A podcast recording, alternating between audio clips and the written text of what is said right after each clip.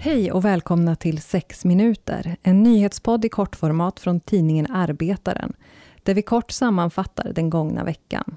Ni kan läsa oss på arbetaren.se och följ oss också gärna på Facebook.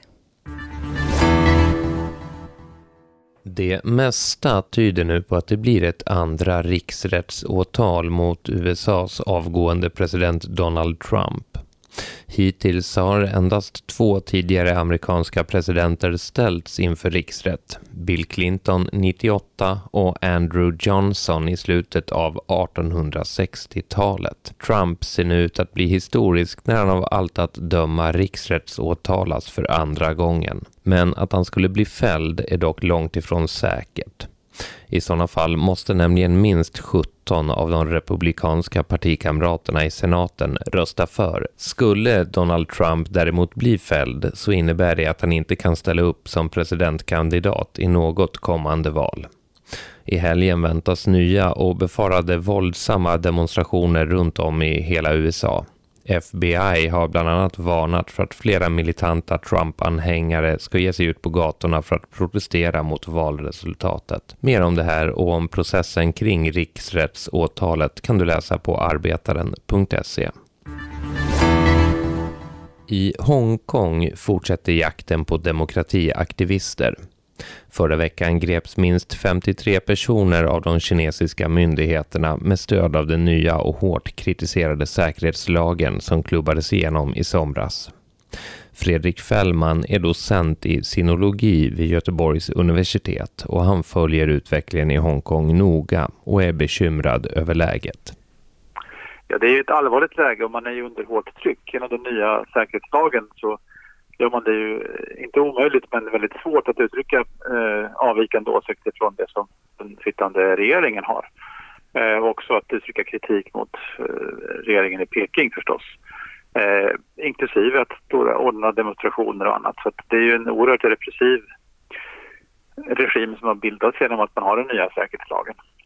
Det sa alltså Fredrik Fällman som är docent i sinologi och Hongkongkännare vid Göteborgs universitet. Mer om läget på arbetaren.se. I en ny artikelserie granskar Arbetaren Sveriges kommuners agerande när det gäller stödet för personer med intellektuella funktionsnedsättningar i daglig verksamhet. I granskningen framkommer att många kommuner valde att inte söka det statsbidrag som kunde gjort det lättare att få ekonomin att gå ihop för många människor. I tre års tid har kommunerna kunnat söka bidraget, men ändå är det hela 247 miljoner kronor som inte kommit många människor till del. Idag behöver inte en kommun betala någons lön för arbete som sker i daglig verksamhet. Däremot ger man ersättning för närvaro, så kallad habiliteringsersättning. Arbetet kan ändå liknas vid lönearbete. Det kan vara uppgifter som att fylla på pennor och inköpslistor på IKEA i Jönköping, leverera fruktkorgar åt Uppsala kommun eller tvätta och sanera bilar på en firma i Sundsvall. 2018 genomfördes strejker både på daglig verksamhet i Malmö och i Visby. På båda orterna höjdes ersättningen efter strejkerna. I fallet Visby och Gotland ledde det också till att kommunen började söka och fördela statsbidraget. Och nu sista ordet med Annie Hellqvist. Stormningen av den amerikanska kongressen var ingen överraskning. Milismedlemmar hade inför den 6 januari utlovat just detta, våld och kaos. Trump hade kort innan uppmanat dem att bege sig till Kapitolium, vara starka och kämpa så in i helvete.